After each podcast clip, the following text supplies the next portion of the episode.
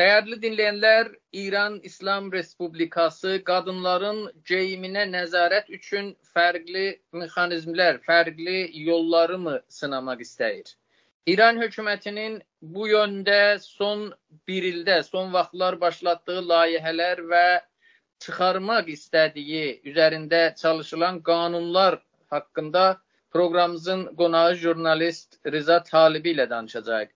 Riza bəy, Öncə bəlkə son həftələrdə bu əmr bi məruf məsələsi, yaxşı əmələ təşviq, pis əməldən çəkindirmə, bunu bir dini vəzifə kimi təbliğ edirlər. Hicab məsələsi ilə bağlı bunu gündəmə gətirirlər. Nədir bununla bağlı mübahisələr Onu qısa şəkildə bəlkə açıqlayasınız, oradan davam edək. Salamlar Əlizə bəy və dəyərli dinləyicilərin hamısını da burdan salamlayıram. Dediyiniz kimi bu son günlərdə daha çox bu e, hicab və təsəttür məsələsi ilə bağlı bu yaxşılığa əmr etmək və ya əmr məruf məsələsi gündəmə gəlib. Əlbəttə bunun sizin də işarət etdiyiniz kimi 40 illik İran İslam Respublikasında gedən proseslərin içərisində ən geniş sahədə dəyərləndirmək olar və masaya yatırmaq olar. Ancaq bu son günlərdə görünən budur ki, fərqli yerlərdə, xüsusilə metro və ya insanların daha çox yığındığı yerlər və orada tərəddüdlər olan yerlərdə sadəcə hicab və başörtü məsələsində bu əmr məruf olur. Ancaq bu əmr məruf kimlər tərəfində olur? Ya bu kimlər tərəfində dediyimiz zaman çoxlu orqan və ya demək olar ki, dövlətə bağlı olan qurumlar bunun məsuliyyətini almır. Bəzi yerlərdə işarət edirlər ki, e, Tehran bələdiyyəsinin başındakı olan şəxs deyir ki, bunlar bizlərlə əlaqəli deyil, sonra deyir ki, əlaqəlidir. Daha öncə deyirlər ki, əslən gəşt irşad və ya o polis maşınları ki, bu qadınları tutub yaxalayır və cəzalandırır. Onlar e, əslən bir qanuni məsələ deyil, yoxdur, belə bir şey yoxdur və sürəkli özbaşınalıq və demək olar ki, fərqli-fərqli qurumların bunda müdaxil olması əsas məsələsidir. Bir yandan e, bəsiz, bir yandan Sepah, bir yandan baxırıq ki, SETA-da əmr məruf, bir yandan Bunyad Milliyə İfah, bir yandan baxırıq ki, fərqli qurumlara bağlı olan, özlərini dini cəhətdən əmir bil məruf görən şəxslər də bunun içərisində müdaxildirlər və bunlar çalışırlar ki, getdikcə də, yəni hələ bu dırnaq arası dediyimiz şeydir, bu ərəfədəki hicab layihəsi də məclisdə və e, Şuray Nigəhbanda gedir, gəlir.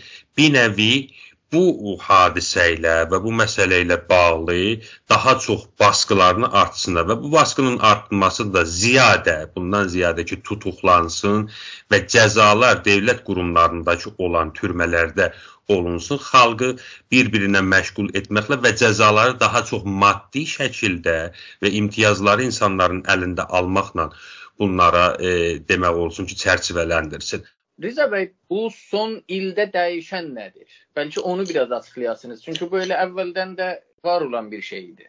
Bilirsiniz, yəni bu otokratik hökumətlərdə bəzən elə görürsüz ki, əcibə və eybəcər işlər görünür ki, bunları daha çox bilimsəl, və demək olar ki, sosio-kültürel analizlərdən bunları dəyərləndirməlisiniz. Yəni baxarsınız, görərsiniz ki, 1 il, 2 il bundan öncə bu etirazların başlaması ilə bərabər hakimiyyət ehsas elədi ki, bu məsələnin üzərində, yəni bu məsələ onun ilk zəpəsidir və bundan vaz keçməyəcəkdir. Necə ki, həm də opozisiyonda belə anlamlandırıldı ki, hicab və ya baş örtüsü İran İslam Respublikasının təməllərindən birisidir və bu aşılırsa İran Respublikası gedər, hakimiyyət buna inandı və inandığı şəkildə öz mahiyyətini bu hicabla birləşdirdi. Daha öncə hər hansı bir qayğısı və hər hansı bir niyarançılığı bu məsələdə yox idi onu kontrol edə bilirdi. Amma bu Məhsa Əmini məsələsindən sonra bu birləşmiş mahiyyətlə bərabər bu qorxu hakimiyyətdə oldu ki, əgər bu məsələnin üzərinə hər hansı bir geri adım atılırsa, digər məsələlər istəniləcək. Yəni o biri istəyən ikini də istəyəcək və üçünün də söyləməsini sizdən istəyəcəkdir. Ona görə bunda dayandı.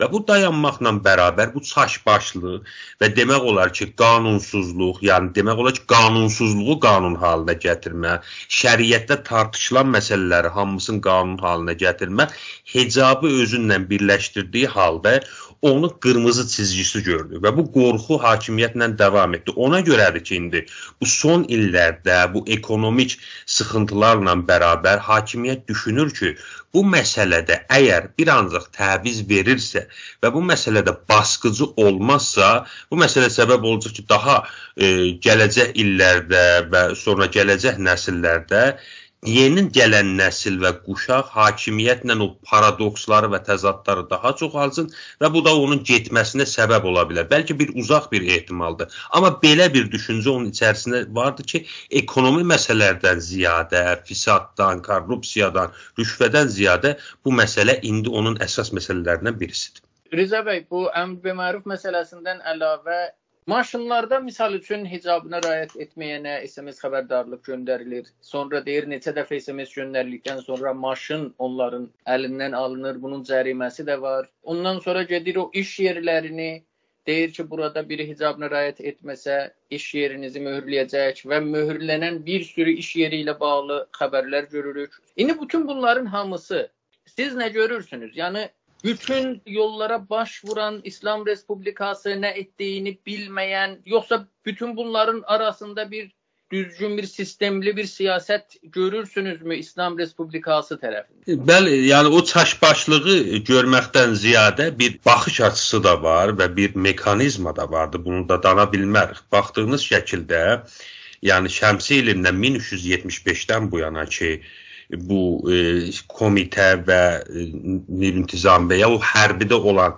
şeylər ki, genəldə e, hərb zamanında şəhərlər içərisində əmr məruf vəzifəsini də birləşdirdikdən sonra və daha çox elə 1384-də Şura İnqilabı fərhənginin verdiyi bu sənəd raportundan hər hansı bir qanuni və yaxud çox bir dəyişiklik olunmayıbdır və eyni o proseslər bu bu sahədə davam edir. Yəni mahiyyətə baxdığımız zaman 57-dən 59-dan Xumeyninin Parisdən dediyi sözlərlə ta Taliqanın müntəziri və Rəcai gəlib Xameneyinin zamanından bu yana o metod və bu ki şəriət bəhsləri, ürf nədir, bunların hər hansı bir dəyişiklik olmayıbdır. Çünki hakimiyyət doğru düzgün bir şəkildə bunu e, buna çatıb və büsbütün bunu da bilir ki, bunlara rağmen, bu qanunlara rağmen, fərqli-fərqli orqanlarda çaşbaşlığına rağmen budur ki, bu şəraitdə mənim ən yaxşı metodum ki, o dəyişiklik də demək olar budur ki, xalqı bir-birinə məşğul etmək və yaxud daha da çox sistematik şərm, utanmağı da onun içərisində qoymaqdır. Bir,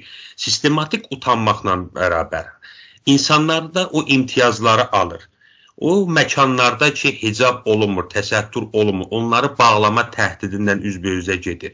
O insanlar ki, hicabları olmur, onları özəl şirkətlərdə istihdamı üçün də manələr yaradır. O xanımlarda ki, hicab olunmur, onlara pasaport vermir və yaxud onlara neqativ puanlar verdiyi bərabərlə bu yükü həm onun türmələrindən, zindanlarından və həm onun amirlərindən ki, xiyabandadır, götürür və xalqı bir-birinə məşğul etməklə bunu xəfiflətməyə çalışır. Əsas məsələ budur ki, indi bunun gündəmi ilə bərabər gəl gündəmə gəlməklə bərabər, halbuki kontrollu bir kaos yaratmaqla bərabər çalışır ki, indi xalqın gündəmi ilə bu hicab məsələsi olsun, xalqın minimal və ən az istəyi bu hicab məsələsinə məşğul olmaqla bərabər xalqı bir kütlə olaraq deyil, bəlkə bu sistematik utanmaqla bərabər kontrolizə demək olar ki, eyni şəkildə e, Şimali Koreya kimi bir sistem yaratmaqla bərabər məndən faydalanmaq, mənim yanımda olmaq istəyirsən,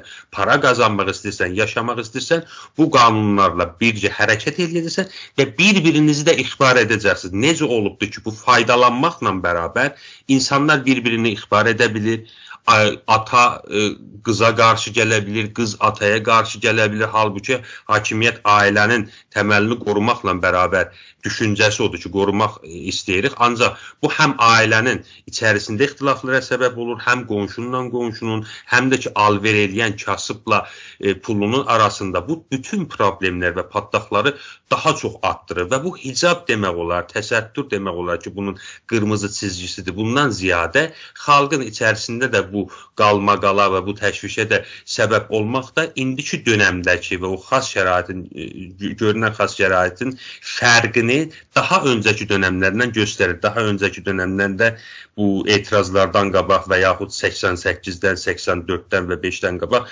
belə bir dağdağası yox idi. Ancaq bu dağdağa indi onun əsas dağdağalarındandır ki, hicab məsələsindən həm onu yaradır və həm bu kaosu kontrol edir. Çox sağ olun Rıza bəy, təşəkkürlər müsahibə üçün. Mən də təşəkkür edirəm, sağ olun.